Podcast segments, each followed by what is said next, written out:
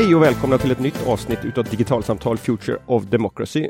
Karin Hübinette, nu kör vi igen. Nu kör vi igen, det är så roligt. Och jag vill direkt säga välkomna hit, Aurore Belfrage och Judith Wolst.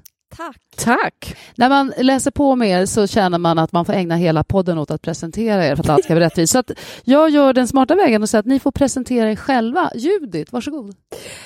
Gärna, tack. Eh, ja du, Smålänning, jag vet inte varför jag började med det, vad det har med saken att göra, men eh, digital, eh, superintresserad, har länge varit det. Och jag tror kanske att det har med Småland att göra ändå, för att internet flyttade in till mitt tonårsrum när jag gick på högstadiet. Och från att då jag bodde i in the middle of nowhere så kändes det som att världen flyttade in. Så därifrån tror jag att mitt eh, eh intresse för tekniken kom.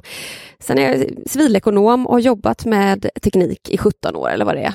Och det var också på högstadiet som jag faktiskt fick upp ögonen för klimatfrågan. Jag hade en, en geografilärare som var otroligt insatt i de här frågorna och jag eh, lockades in i någonting som kallades för miljöambassadörerna. Så att jag läste klimatrapporter eh, på högstadiet och blev väldigt eh, rädd faktiskt över hur eh, läget skulle kunna bli framåt med vändande golfström och sånt där. Så jag tror att då väcktes väl en oro över det. Men det är egentligen först nu som klimat och teknik möts. Eh, och det är ju jättehärligt att kunna jobba med teknik och klimat nu. Eh, när det finns lösningar också. Det fanns det ju inte för på den tiden. När du säger jobba med klimat och miljö, konkret vad är det du gör? Ja, bra fråga. Jag jobbar på olika sätt med företag eh, att försöka se hur kan vi använda teknik för omställning överlag, men gärna också med en klimatkoppling. Och jag och Roar driver Sustainable där vi lyfter den typen av frågor. Hur kan vi använda teknik för ett bättre och grönare samhälle? Och jag föreläser också på de här frågorna. Så att någonstans där. Jag sa ju det, den här introduktionen hade jag aldrig kunnat göra. Nej, den hade varit svår. Den hade varit svår. All right, tack så hemskt mycket Judith.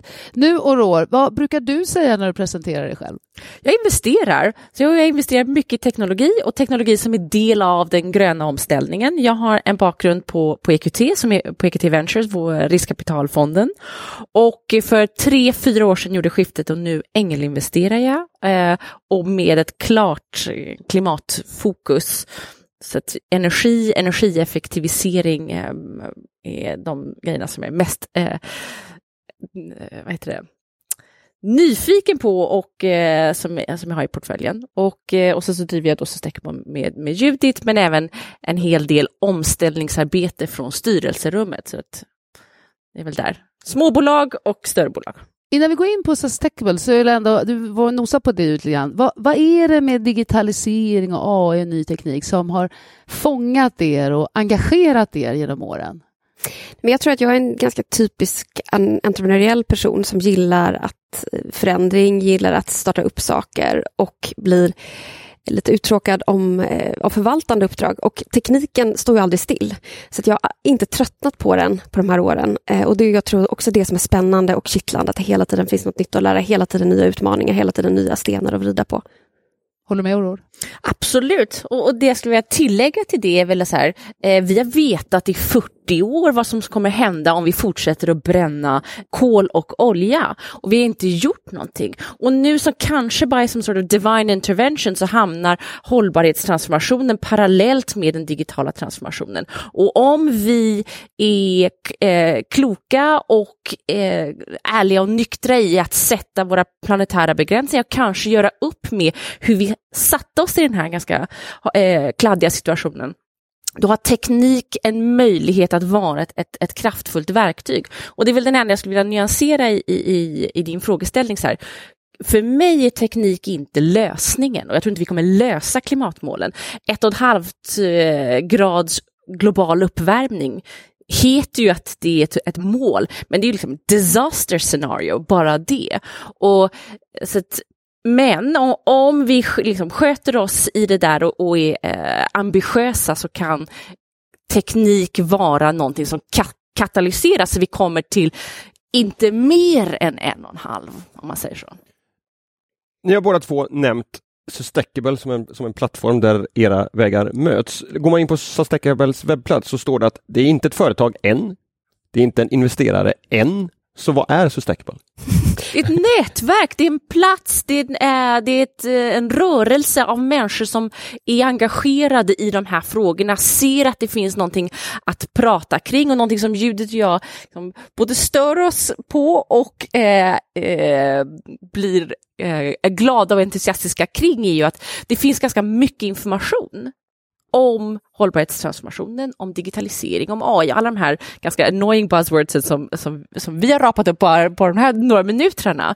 Men det är inte alltid tillgängligt, det är inte alltid lätt att förstå om man inte är jätteengagerad. Så att, eh, och, och där ger jag stor cred till, till Judith med hennes liksom skarpa öga och designsinne. Har vi tagit mycket information och försökt göra det tillgängligt för en bredare publik som vill veta mer. Så Stackable, det är sustainable, det är technology och det är able att, att kunna... Doable. Vad, vad, liksom så här, den, den, den mixen, vad, vad, vad ser ni att den kan, kan leda till? Ja, men Aurore brukar prata om att hon inte ser att tekniken kommer lösa allt, att det inte finns en magisk knapp att trycka på och det håller jag med. Men samtidigt så är vi i ett läge, nu sitter jag med en t-shirt på, det ser man inte eftersom det är en podd, men det är en formel som heter Rights law som handlar om att kostnaden för teknik går ner över tid. Vi har eh, Moores lag är vi otroligt trötta på att ha, eh, höra om för den är så självklar. Så teknik utvecklas ju i väldigt, väldigt snabb takt och det som händer också parallellt är att kostnaden går ner. Och det här gör mig hoppfull och det här gör mig också väldigt optimistisk för nu har vi kommit till en brytpunkt där till exempel kostnaden för gröna energislag är billigare än fossila alternativ. Eh, Solenergi är till exempel billigare på de allra flesta platserna i världen idag. Eh, vilket gör ju att det är det som kommer bli det självklara valet när vi nu bygger ut eh, energin i, i, olika delar av världen. Så den typen av genombrott gör mig väldigt optimistisk. Så vi har också nått ekonomiska brytpunkter, inte bara tekniska brytpunkter som jag tror kommer eh, gynna oss framåt. Batteriteknik är också nästan där, inte riktigt. Sen finns det en massa teknologier som inte är där än, som vi behöver investera i jättemycket och som behöver nå de här tekniska brytpunkterna och ekonomiska brytpunkterna, till exempel carbon capture and storage eh, med hjälp av industriella metoder. Nu lagrar vi kol mycket i marken och naturliga metoder, men vi behöver också utveckla teknik inom de områdena. Så vi behöver framför allt nu satsa på de teknologierna som inte då har tippat över i, i Wrights law till exempel. Just nu idag när vi spelar in det här så är det den stora klimatmötet i Stockholm mm. som eh, är väl mer av ett samtalsmöte eh, och det är massor med andra saker på, på agendan, inte minst kriget i Ukraina.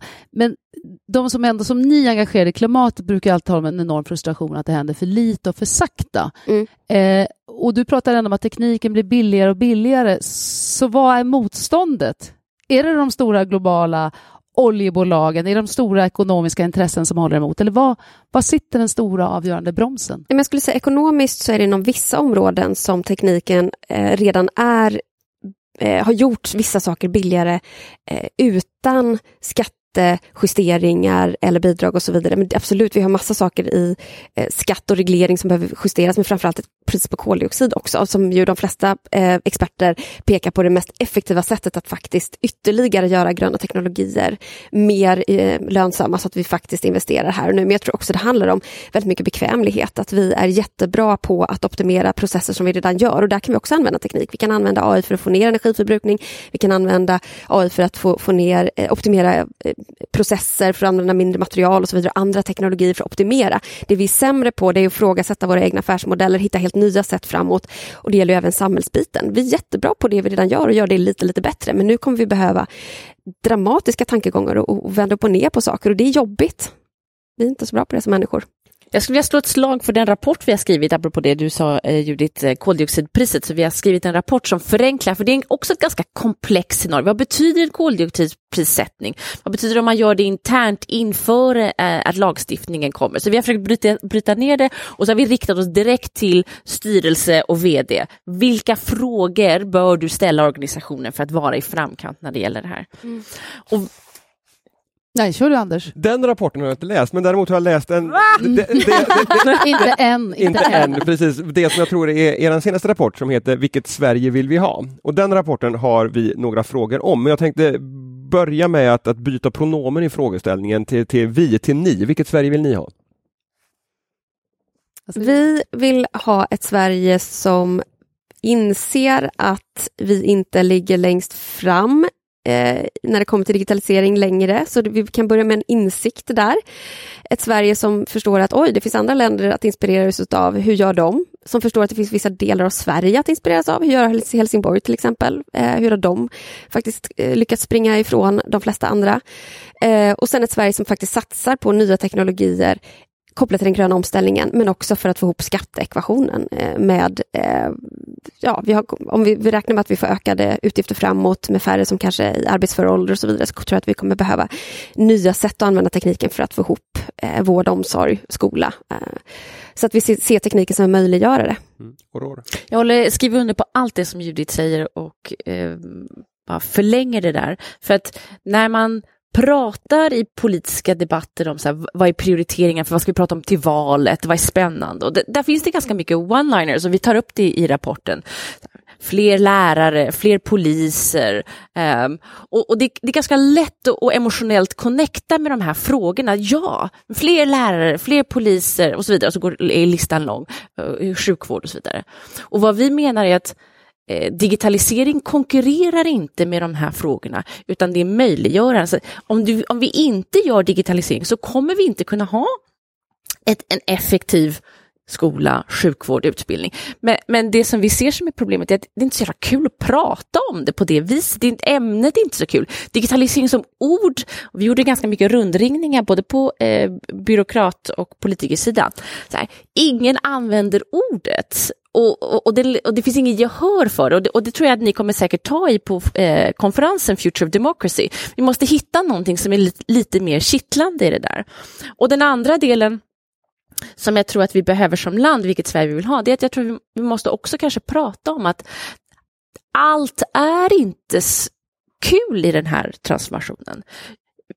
vi är helt övertygade, och, och många med oss, att, och som investerare är jag ganska eh, ser med tillförsikt fram emot de nästa två decennierna. För det kommer byggas enorma värden och bolag i en transformation. Vi ska byta ut all vår infrastruktur mot fossilfritt. Alltså det är enorma Men du, möjligheter. när du säger att det inte är allt som är så kul, vad, vad vad kan det vara? Eller vad vi, kan, vi, vi, behöver inte, jag tror att det är farligt att prata om att bara den, den gröna tillväxten och plocka de, de, optimistiska russinen ur kakan, eller de lönsamma russinen ur kakan.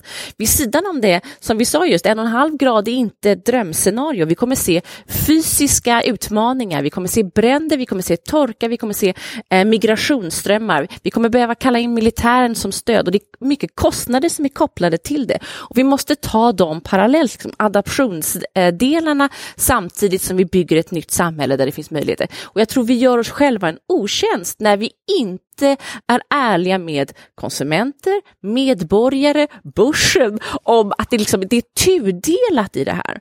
Ehm, och så skjuter den andra delen framför oss och bara pratar möjligheter. Jag tänkte på det du också var inne på, att man, det är lätt att säga att vi behöver fler eh, lärare i skolan eller fler poliser eller sjuksköterskor. Och de här sakerna kan ju också i och för sig vara sanna här och nu. Vad tänker ni om den slags pedagogiska uppgiften att säga att fast vi måste ändå fortsätta att utveckla fast vi har de här problemen framför oss i vardagen i samhället idag? de hör ihop, det är det.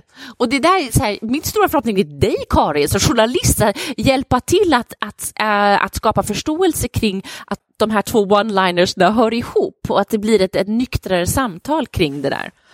Vi, jag bollar direkt över till dig. nu blir det mitt ansvar, Anders. Hörde du det? Mm. Ja. Det var en härlig eh, one-liner för det där. Du kallar det för dunderhonung för omställning, eller hur? Att tekniken är dunderhonung för ett mer inkluderande samhälle, för ett mer hållbart samhälle. Eh, och det är en ganska bra... Och, och, när man ser det på det viset, då blir det inte en budgetkonkurrens. Nej, ta pengar från sjuksköterskorna och ge det till digitaliseringen. Det är ju fel. Det vill säga, digitalisering möjliggör sjuksköterskor, lärare, poliser och så vidare. Kan det också vara så att i alla fall initialt, som du säger, vi ska byta hela vår infrastruktur, apropå värlighet, det här kommer också åtminstone initialt, med ganska stora investeringar och kostnader. Det går inte att byta infrastrukturen och tro att det är gratis. Är det också en grej som man kanske pratar för lite om eller som man driver för lite politiskt, eller vad vet jag? Men jag tror att man tror att man vet vad man behöver och att vi behöver investera supermånga miljarder nu. Eh, för att få till det här rätt så behöver vi göra som Helsingborg eller andra städer som har förstått det här. man börjar alltid i liten skala, testa på ett pilotprojekt, lära sig längs med vägen, involvera näringsliv, universitet, medborgare eh, och andra smarta genier som, som, som vet vad som behöver göras. Och så testar man det och så skalar man upp det som faktiskt funkar. Då blir det inte dyrt på det klassiska sättet utan vi, vi vet vad det är vi bygger och så bygger vi det steg för steg. Och i den bästa världen så kan vi dela data mellan kommuner, mellan delar av Sverige och vi kan lära av varandra och göra det tillsammans för vi är ett litet land. Så det blir väldigt, väldigt svårt att jobba i silos. Då kan det bli fruktansvärt dyrt. Men om vi ser, eh, ser över hur vi jobbar också med digitala frågor så tror jag att, att eh, det inte blir en sån dramatisk grej att, att göra. Och jag vill göra två poäng där innan du kommer in Karin. Och den ena är att, eh, och sen har Sverige möjligheten, because we punch above our weight i den, liksom, på den globala arenan, att använda de här eh, lärdomarna någon annanstans. För att som vi alla vet, om vi är picture perfect i Sverige har det liksom inte så stor skillnad eh, på the bottom line av, av koldioxidutsläppen. Så vi måste ju eh, exportera detta och jag har suttit i styrelsen för vårt bidrag till världsutställningen och, och, vi har, och Sverige har använt den plattformen för att visa vad vi kan. Så det tror jag är jätteviktigt och Helsingborg är duktiga på det där också, med flera andra kommuner. Det andra är att vad vi ska säga är väl att den här rapporten som vi har skrivit vilar på arbetet som Vinnova, Tillväxtverket, IVA och Post och telestyrelsen har gjort. Och de har räknat ut, det är så här mycket pengar vi behöver investera i data, infrastruktur, kunskap eh, och har gjort en lång lista och, satt en prislapp. Minimum 5,5 miljarder bör Sverige investera för att vara, hänga med eh, våra systrar och bröder runt om i världen. Så att, eh, Men det gör man inte riktigt. Vi får, jag tycker också så här, eh, vi bör titta, eh, vi bör ta upp frågan till, till valet. Och, och, det, jag, det vi vill se och det som vi sa i rapporten är, vi skulle gärna vilja att alla partierna deklarerade. Givet att de som förstår har sagt att prislappen är 5,5 miljarder, hur förhåller sig Moderaterna, Socialdemokraterna, eh, Sverigedemokraterna, Centern till den här prislappen? Jag, jag har en, en fundering ut, utifrån hur ni svarar på um, vilket Sverige ni vill se. Uh, vad är ett viktigt första steg som Sverige som nation behöver ta för att komma dit? Här? Men jag skulle vilja upp, faktiskt upprepa det Oroa säger. För att Härligt! Vi, eller hur? Du säger så mycket smarta saker. Den här rapporten vi skrev, det egentligen, syftet var inte att vi skulle komma upp med massa nya saker utan syftet var att egentligen förenkla det som redan har sagts. Och du nämnde vilka myndigheterna var. Eh, ett gäng svenska myndigheter som har gått ihop och skrivit en rapport som är fantastisk. Den heter Regeringsuppdrag att föreslå ett strategiskt program för digital strukturomvandling och är för 59 sidor utan bilder. Den kommer med en analysbilaga på 131 sidor som heter Sveriges förutsättningar i den digitala strukturomvandlingen. Fantastisk läsning, men det är väldigt få som har fått in det i sin, sin vardag. Jag har läst dem och det, det vi kände var att vi behöver lighta upp det här lite grann. Så vi gjorde en mycket tunnare variant där vi sammanfattade vad, är, vad består de här förslagen av. Och de består av fyra delar. Den första är eh, digitalisering för grön omställning och social hållbarhet och vi hoppade av glädje när vi såg att det var ett av förslagen. Där föreslår man en satsning på en miljard kronor per år. Eh, och sen avancerad digitalisering är den andra punkten. Det handlar om att Sverige är jättebra på internet och, och, det har vi varit länge, vi var tidiga, men det är det vi är stolta över. Men nu är vi inne i en ny fas. Vi har AI, blockkedjor, vi har 3D-printers, vi har nanotech, eh, biotech. Vi har helt ny uppsättning av teknologier och där ligger inte Sverige i framkant. Vi satsar inte alls de pengarna som andra länder gör. Eh, så, fler buzzwords att ta hänsyn till. Fler buzzwords. och sen pratar de om digital infrastruktur och data som faktiskt får 3 miljarder per år enligt förslag, förslaget. Och det handlar om att vi inte delar data i Sverige. Så att vi måste också bygga om hela grunden i hur vi, hur vi jobbar med samhället. Och sen vill de lägga 200 miljoner per år på digital kompetensutveckling och mognad. Det vill säga se till att vi utbildar brett och djupt. Sen är den summan för tok, på tok för liten tror jag, för det saknas väl 70 000 personer redan idag inom tech enligt eh, techföretagen till exempel. Men det målar ändå en ganska, om man tittar på de här myndighetsrapporterna, en ganska gemensam bild. Det här behöver vi göra, det här behöver vi satsa på. Och eh, tittar man på företagssidan, inte minst på, på startup-scenen, så finns det ett myller av företag och, och, initiativ som alla liksom går åt, åt rätt håll och vill rätt. Och då kan man undra det här glappet mellan å ena sidan myllrande startup-scen eller scale-ups eller, eller för den delen globala framgångsföretag och sen offentlig sektor som någonstans, ska inte säga sölar, men släpar efter i alla fall. Mm. Hur ska man förstå det här glappet? Aurora. Jag har två punkter. Den ena är lagen om offentlig upphandling och den andra är... Eh, nej, vi håller det. Ja. Lagen om offentlig upphandling. Vi har ett maskineri och vi har en lagstiftning som är byggd för en annan era och för andra utmaningar. Där teknik var liksom en stödtjänst till massa grejer och där man ha, har sagt sig oerhört klokt att vi ska vara måna om skattebetalarnas pengar. Vi ska bara använda teknik som är robust och testat. När man använder robust och testad teknik betyder det att någon annan har testat det, någon annan har utvecklat det och man är fyra eller fem år eh, efter bollen och efter marknaden. Det vi behöver göra nu, där teknik inte är en stödfunktion utan liksom the fundament of everything, är att vi som stat behöver sätta oss i förarsätet igen och använda den delen av lagstiftningen som heter innovationsupphandling. Och jag har pratat med mycket olika advokater eh, som säger att eh, den där lagstiftningen är oerhört välskriven men den används inte. Så det vi behöver är ett ledarskap som vågar använda den typen av lagstiftning där vi, precis som Judith sa, testar, itererar, kollar, är med, eh, beställare. Det där gick inte. Jaha, då gör vi något annat. Och, och det är en helt annan kultur som krävs. Ja, det låter mer som mindset än pengar. Mycket mer som mindset. Och det jag också hör är att det här, Karin, rimmar ganska väl med de resonemang som vi hörde Jon Simonsson som är ordförande i kommittén för teknologisk, eh, teknologisk innovation och etik för eh, ett tidigare avsnitt. För, för, han beskrev också att en stor utmaning för, för den, den offentliga delen av Sverige är att, att det är viktigare, och jag tänker att det är det, det, det du uttrycker på ett annat sätt, Aurora, att det viktigaste för många offentliga myndigheter är att göra rätt inte att göra rätt sak. Mm. Att, att, att nu ser lagen om offentlig upphandling ut på det här sättet, då stresstestar man inte gränserna Nej. för vad som går att göra innanför och inte, inte beredd att gå utanför. Och han efterlyser också Eh, regulatoriska växthus, testbäddar och det är lite grann det som du Judith lyfter mm. fram att, att Helsingborg till exempel tar lite den rollen just nu. Absolut, och de har ju då en, ett, ett begrepp hashtag felrädsla där de har identifierat att just rädslan att göra fel är det största hindret att digitalisera samhället. Det brukade Mikko bland annat prata om som inte jobbar på staden längre men, men att det är det man har behövt jobba på, alltså de mänskliga faktorerna. Och vi pratar så himla mycket om Helsingborg och både, ska säga också, jag och Rår har både jobbat med staden jag var ordförande i deras reformgrupp för digitalisering 2017-2018 tror jag.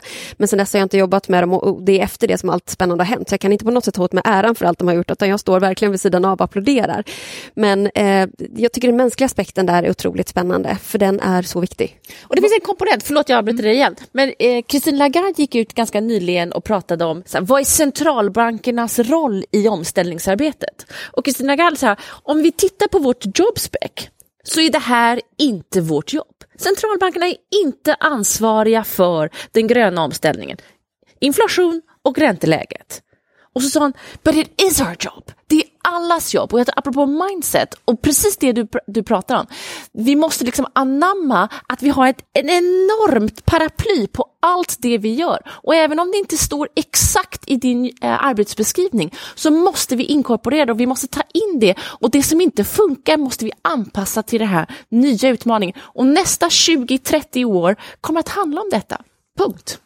Jag tänker på det som du är inne på också Judith, att det här med, med liksom mänsklig, människornas roll i det här. Mm. När, när, vi på i Sweden eh, jobbar med de som är partnerorganisationer hos oss, mm. så, så pratar vi väldigt mycket om att liksom, användningen av AI handlar till ganska få procent trots allt utav att förstå teknik och data, utan det är kultur och mindset och massa andra frågor, frågor som måste ändras.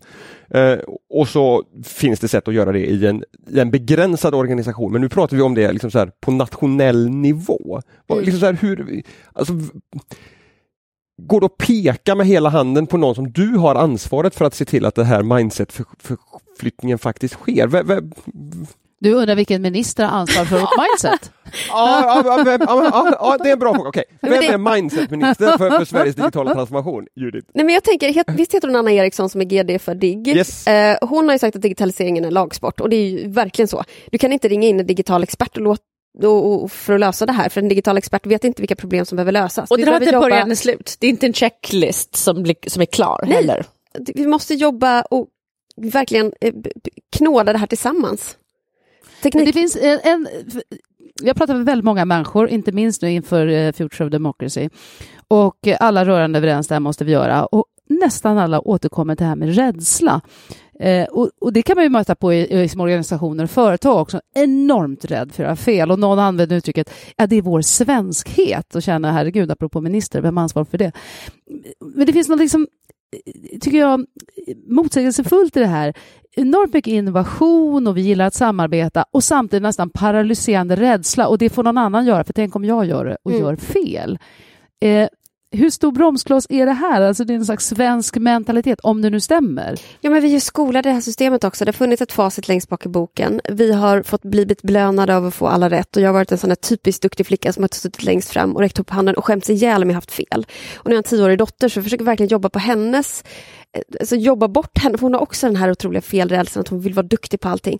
Så jag tror vi behöver jobba med våra barn också, hjälpa dem att hitta ett nytt mindset, eh, att det är bra att misslyckas för att man lär sig någonting. Men om vi suttit i skolbänken i så många år och skolats in i att det pinsamt eller negativt har fel, så är det inte jättelätt att faktiskt lära oss ett annat sätt. Så jag tror att vi behöver väldigt, väldigt mycket ledarskap i det här. Och ödmjukhet. Så här. Om, om vi skulle vi hittade, ville hitta en minister här, så här, vore det inte underbart om vi hittade någon som hade 20 års erfarenhet av en global omställning. Hon finns inte. Vi har aldrig gjort detta förut.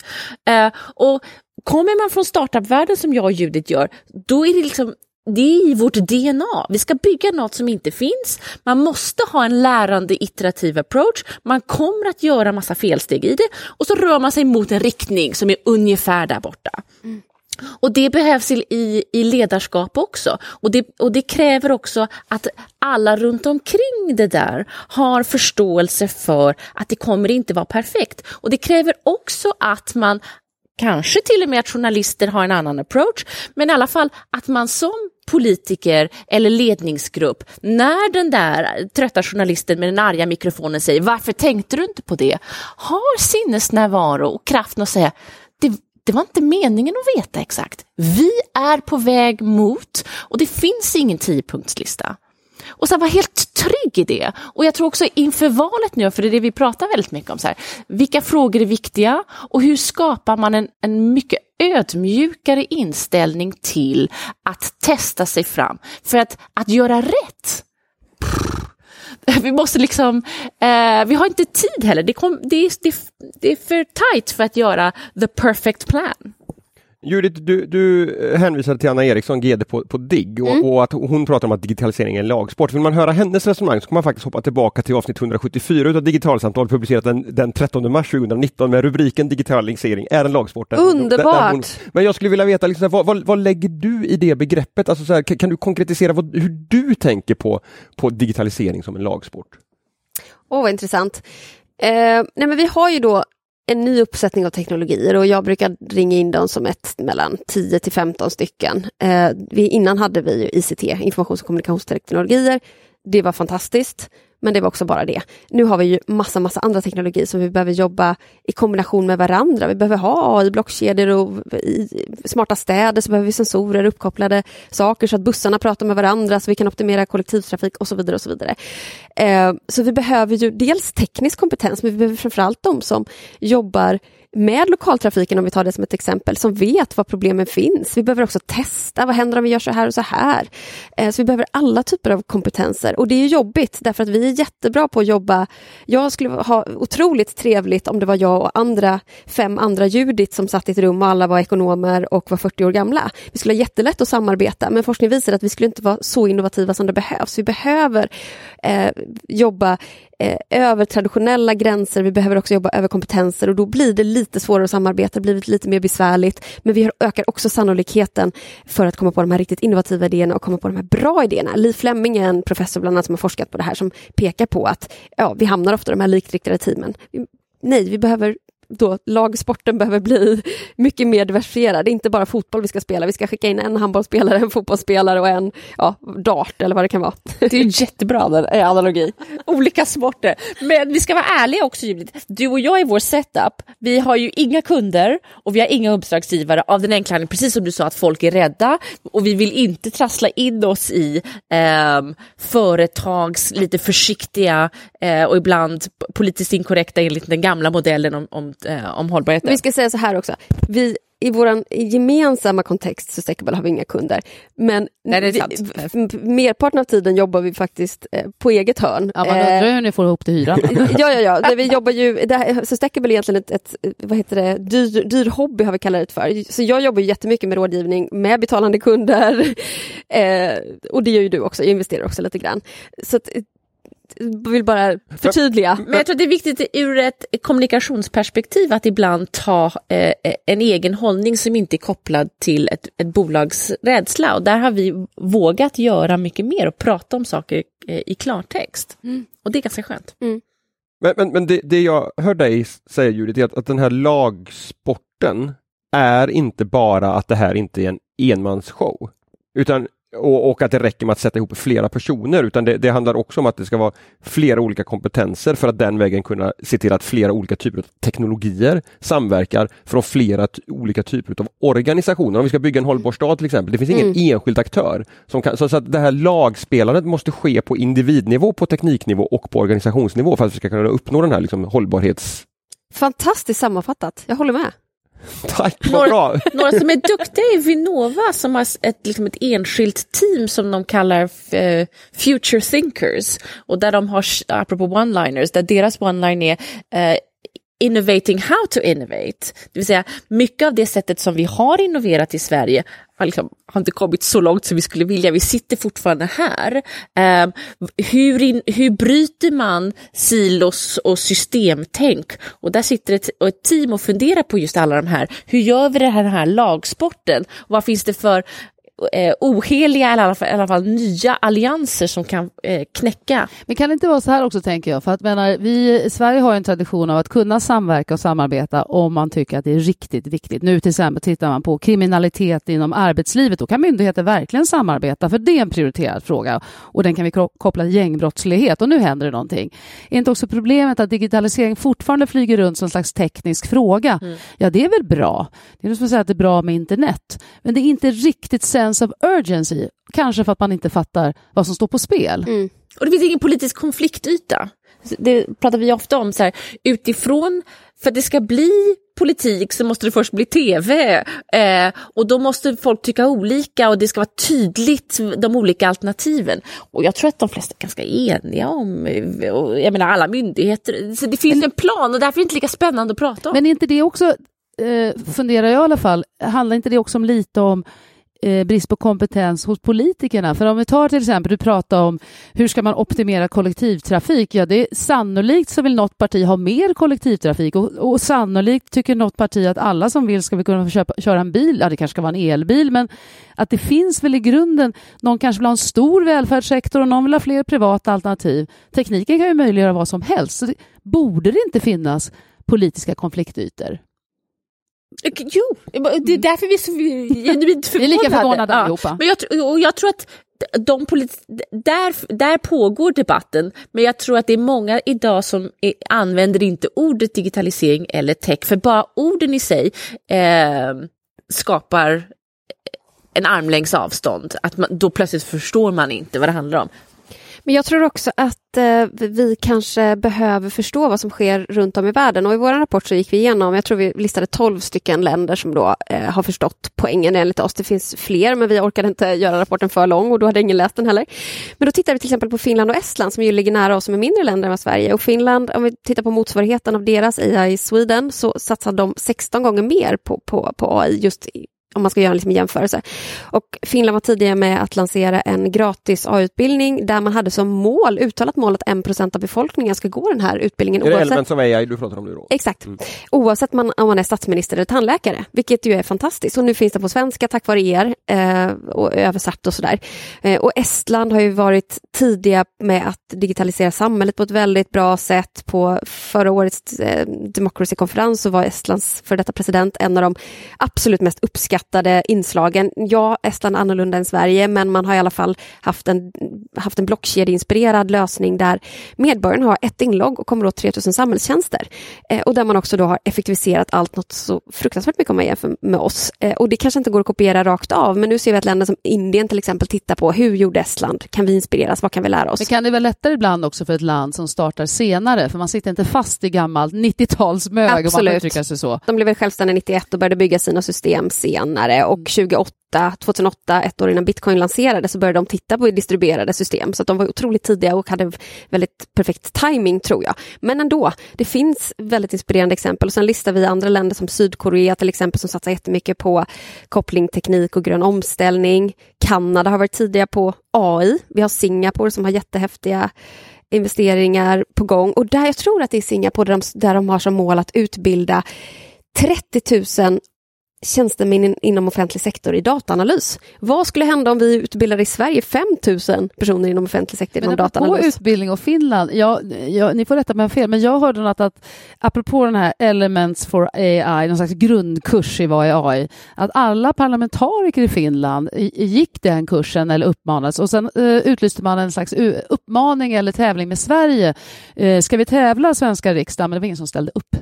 Ja, och jag vill bara säga en sak till uh, svenska riksdagsmäns försvar i det här. För att det vi listar i rapporten om vad olika länder gör, det är ju ett smörgåsbord av olika saker man kan göra. Men det är heller inte svaret, utan vi är tillbaka där vi var förut och det är en mindsetfråga. Här är lite idéer, prova något annat. Apropå om vi går tillbaka till hållbarhet och kopplingen till teknik och digitalisering. Skulle ni säga att det man behöver finns, det är bara att sätta igång och göra? Eller är det fortfarande så att de stora genombrotten behövs för att vi ska klara klimatet? Eh, jättemycket finns, men allt finns inte. Och det som finns ska vi använda fullt ut. AI för att optimera, vi behöver använda teknik för att hitta nya typer av affärsmodeller, om vi tittar på privat sektor. Vi behöver hitta nya typer av att organisera oss och lösa problem när det kommer till samhället. Och sen behöver vi trycka parallellt in, eh, gasen i botten på innovationspedalen för att spida på det som inte riktigt är färdigt eller nått den här brytpunkten än. Men mycket finns eh, och det, där måste vi börja. Eh, så jobba liksom på två spår. Optimera, få ner det vi redan har samtidigt som vi utvecklar för att liksom hitta nya. Framförallt på hållbarhetssidan, så energiutmaningarna.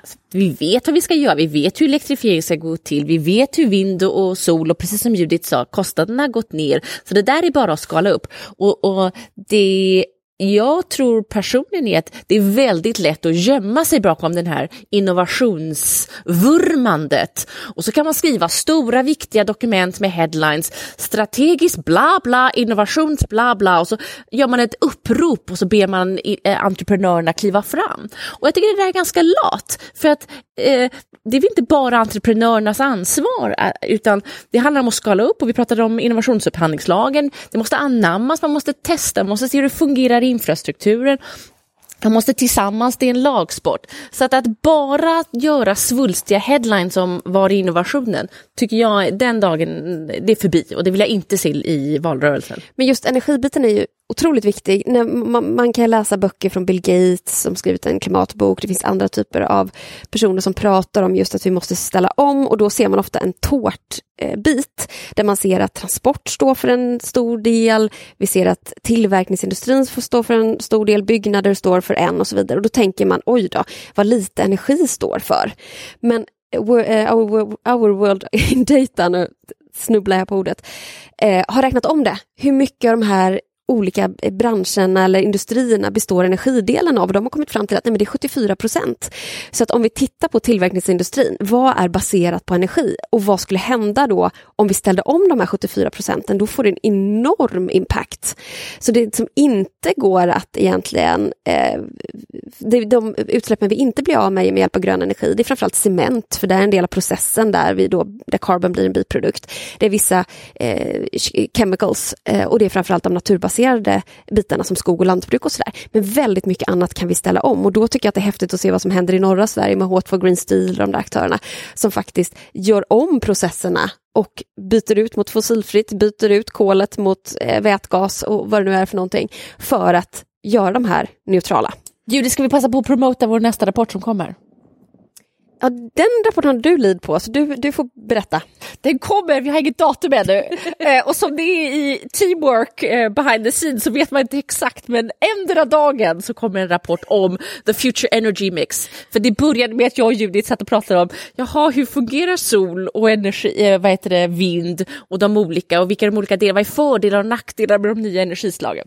Ett kunde vi inte svara på frågorna, två kunde vi inte googla oss fram till det där och då. Och eh, som vanligt så börjar det med en iteration som sen kommer att bli en rapport där man då kan läsa, sig, läsa till sig om hur, hur kommer framtidens energimix ut. Ja, men det är historien av våra liv, story of our lives. Att vi hittar rapporter som är jättetjocka och vi inte förstår vad de betyder och så tänker vi någon måste skriva en lätt version av det här och så är det ingen som har gjort det och då gör vi det själva.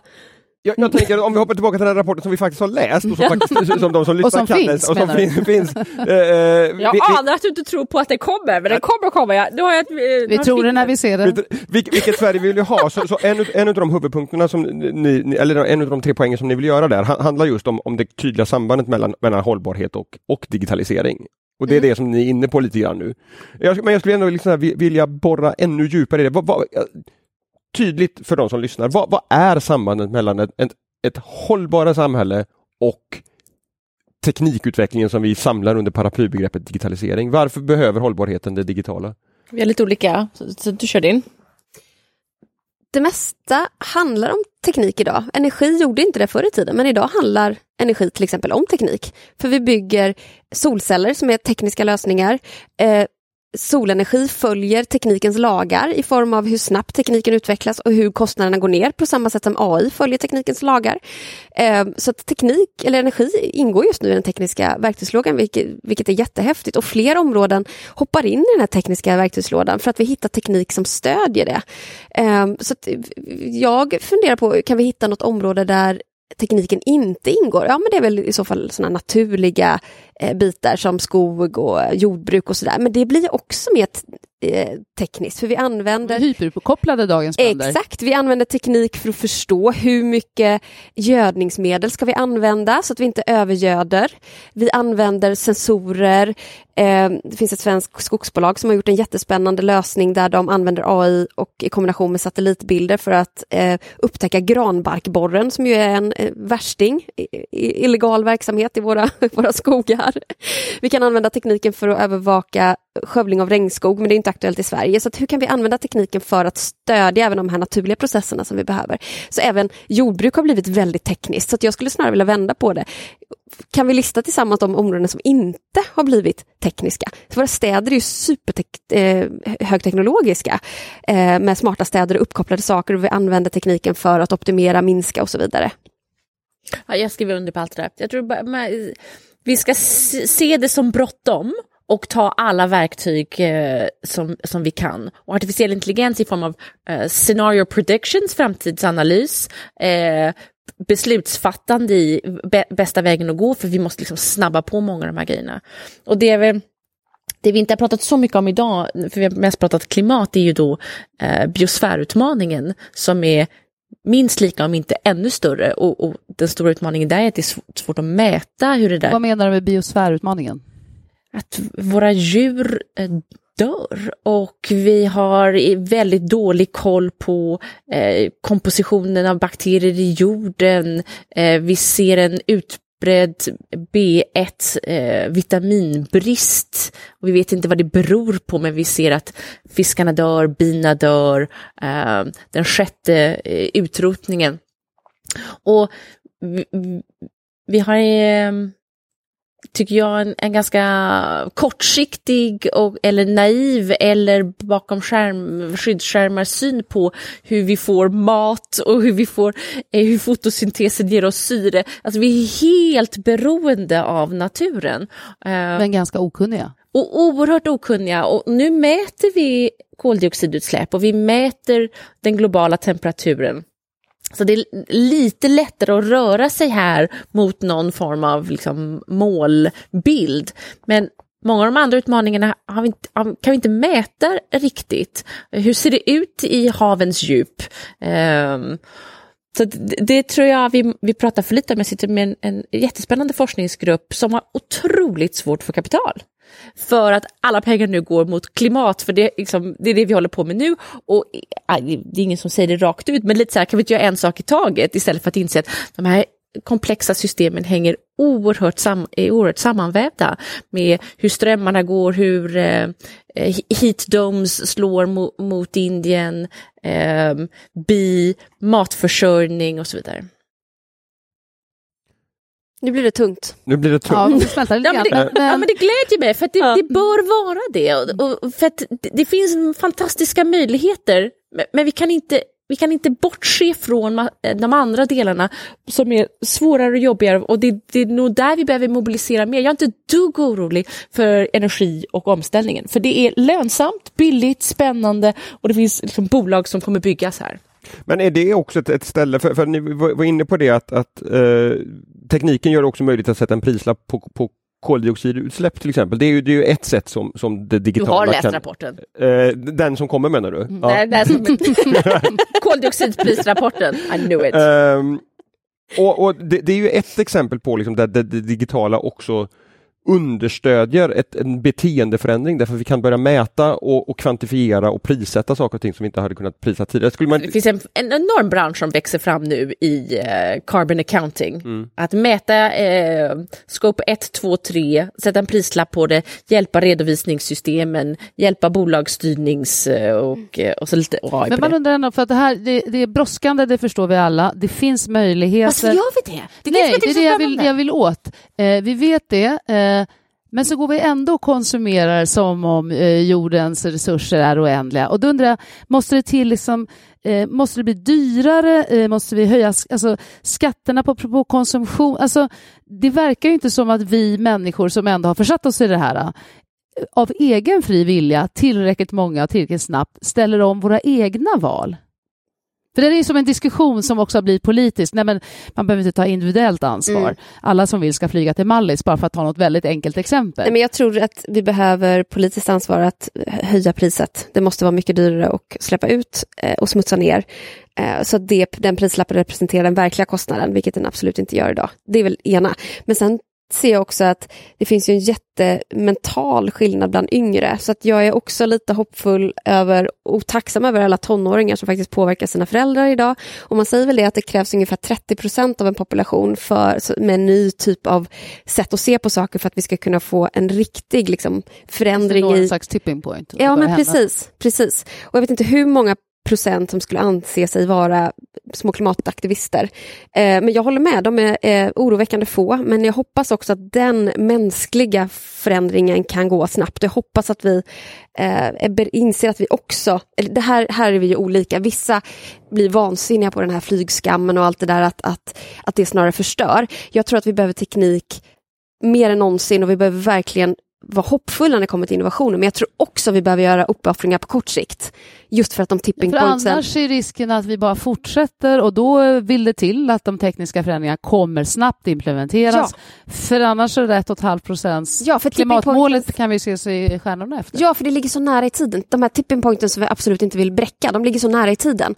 Och innovationen kommer kunna vända utvecklingen, men frågan är om det kan gå tillräckligt snabbt. Så jag tror också vi behöver uppoffringar, eller om man ska säga inom Apropå citat. det du var inne på tidigare, måste vara ärlig med saker och ting. Ja. Vad som kostar, vad vi behöver göra. Håller du med Aurore? Absolut, jag tror, att, jag tror inte att man eh, ska sätta det på den enskilda konsumenten.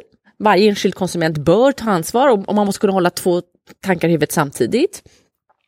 Eh, och sen kanske Varför ska man inte lägga det på den enskilde tycker du? för det går inte, det är jättesvårt. Och jag förstår inte varför. Varför skulle vi ha produkter, eh, varför skulle det vara lagligt att sälja produkter som är utanför våra planetära begränsningar? Vi, vi vet ju vad vi Men måste... det är väl det som sker? Vi säljer, Absolut. Ja. Och det, förutom att det är lagligt och, och naturligtvis och, och eh, hitta och leta efter ny olja och gas och, och ta den som finns, så är det ju enorma statliga subsidier och skattelättnader globalt till olje och gasindustrin. De är direkt clinch mot det här. Så att jag tror så här, om jag fick ägna vad jag skulle ägna min tid åt, det ena är att se till att det blir en koldioxidskatt eller ett pris på koldioxid, det vill säga marknadsmekanismerna fungerar för liksom alla delar av kostnaderna, boom. Eh, och sen stänka eller helt göra sig av med eh, skattelättnader och subsidier till olje och gasindustrin. För då plötsligt, jaha, då har vi ett ramverk här. Då blev det inte lönsamt längre. Då blir det inte mm. lönsamt och då har vi ett, ett, en, en, låda som vi kan vara stolta över. Om vi gör så här, då kan vi leva innanför våra planetära begränsningar. Och då kommer marknadsmekanismerna och innovationen se till att du kan få åka till Mallis, att vi kan få köpa grejerna, jag får nytt läppstift och läppglas, eller nu vad det kan tänkas vara. Men att, att be enskilda individer göra val när smörgåsbordet innehåller saker som inte är okej. Det, det, tror jag är väldigt, väldigt svårt. Samtidigt så måste jag, tror jag att man får fundera på varför är vi mer rädda för omställningen än klimatförändringarna? Alltså varför är det jobbigare att jag inte får åka till Mallis än att... Eh, för att man vet vad man har? En, ja, men så här, låt oss fundera förlora. på vad händer om Gulfströmmen vänder? Det är bara att ta fram en karta, dra strecket från Sverige till Kanada. Var på kartan är du? Subarktiskt. Utan Gulfströmmen skulle Sverige vara subarktiskt. Energiproduktionen fungerar inte, matproduktionen fungerar inte. Så här. Och det där vet vi inte. Det där skulle kunna hända ganska binärt. Vad heter den Today After Tomorrow? Vad heter han snygga Skäggiga. Pierre Brosnan? Nej. inte han. Pierre Brosnan. Oh, han är ja, det var den enda jag kom man. Today after tomorrow. Eh, ja, men det är en film och Aha. det börjar snöa direkt och han räddar henne och det är allt Ja, i alla fall. Det blir inte så, det är det enda vi vet. Alltså, det går inte från en dag till en annan utan det finns mycket eh, värme som är i jorden och, och, han kommer inte att rädda dig. Eh, han är inte så snygg heller. Jo, det eller vi håller oss till temat här. Jag ber om ursäkt. Ja. Ja. Eh, men så här, det där kan man ju ändå så lite fundera på. Eh, så jag, skulle, jag är mycket mer nervös över det än att jag eh, inte kan konsumera alla de sakerna som jag skulle vilja. Men jag bara tänker att det kanske är ändå samspelande system för att eh, apropå politiken så vill man ju väldigt ogärna komma med förslag, särskilt ett valår, som kan uppfattas negativt i det, i det, i det korta perspektivet. Det är som att säga, vilket kanske skulle vara rimligt, vi ska ha färre sjukhusbäddar för att det kommer bli en fantastisk utveckling med hemsjukvård. Det är ingen politiker som vill stå på den presskonferensen, fast det kanske skulle vara det klokaste. Mm. Så att vi, det, de här svåra frågorna kanske måste vara samverkan. Jag måste fatta det, för då kanske du som politiker kan föreslå det. Mm. Om inte jag alls fattar det här så kommer jag aldrig någonsin lägga min röst men nu, Återigen, nu blir det väldigt tjatigt för den som lyssnar, men Helsingborg, där har man ju faktiskt eh, kan politiker. vi säga att det finns också andra kommuner? Det finns... det finns också, precis, SVT-skolan. Nej, men där har man politiker som har kommit överens om, oberoende av vilken, vilket parti man tillhör, att vi vill se till att Helsingborg hamnar i framkant och då gör vi det här gemensamt. Fantastiskt inspirerande. Lagsport. Lagsport. Mm. Nu ska jag vara tidshållare och jag ser att klockan går och jag vet att Judith har iväg, ska iväg på andra möten inom kort. Eh, så att börja, för att börja runda av, alltså så här, vi, vi, vi, balanserar ändå någonstans här mellan liksom, hur mycket personligt ansvar har vi, hur mycket ansvar eh, kan vi förvänta oss på våra politiker och, och så vidare. De som lyssnar på den här podden, jag vet utav erfarenhet att det är en hel del eh, från eh, regeringskansliet, eh, det finns en del politiker, det är skolbibliotekarier, det är lärare, det är allmän teknikintresserade, det är en ganska stor bredd, men alla utav dem är ändå individer. Mm. Alltså, här, vad, vad, vad, vad vill ni skicka med? Vad, finns det något mindset? Vi har pratat om mindset också. Liksom, det finns någonting som man som enskild individ kan ta med sig oavsett var man befinner sig i yrkeslivet och applicera någonting för att bidra till det här liksom, sammanflätningen mellan hållbarhet och digitalisering? Tack, bra fråga. Den ena är eh, peta på din lokala politiker så detta blir en valfråga. Eh, och... Vad är det som behöver bli en valfråga? Hur ska vi, klara, hur ska vi göra omställning? Vad, hur ser det ut? Vad är den nyktra konversationen om möjligheterna och utmaningarna? Och vi vill inte bara prata om den gröna tillväxten och utmaningar. Hur ser kostnaden ut? Hur, hur finansierar vi militären när de behöver rädda oss från eh, bränder, översvämningar och så vidare? Det är den ena. Bidra aktivt till debatten så att den blir nyanserad och klok och riktig så vi vet hur eh, vi kan bygga en, en riktig färdplan. Eh, och jag hade en annan klok poäng. Jo, apropå Christine Lagarde, it is your job. Alla de yrkesgrupperna som du sa, ingen av dem är ansvariga för, jo kanske de på regeringskansliet, men så här, det gäller alla. Alla är en del av denna omställning. Så att gå in i eh, din vardag och ta reda på hur du kan bidra. Man kan säga engagera dig. Ja. Future of Democracy kan man kanske också säga. Det kan man också säga. Det är väl det det handlar om. Hörni, stort tack. Så intressant och spännande.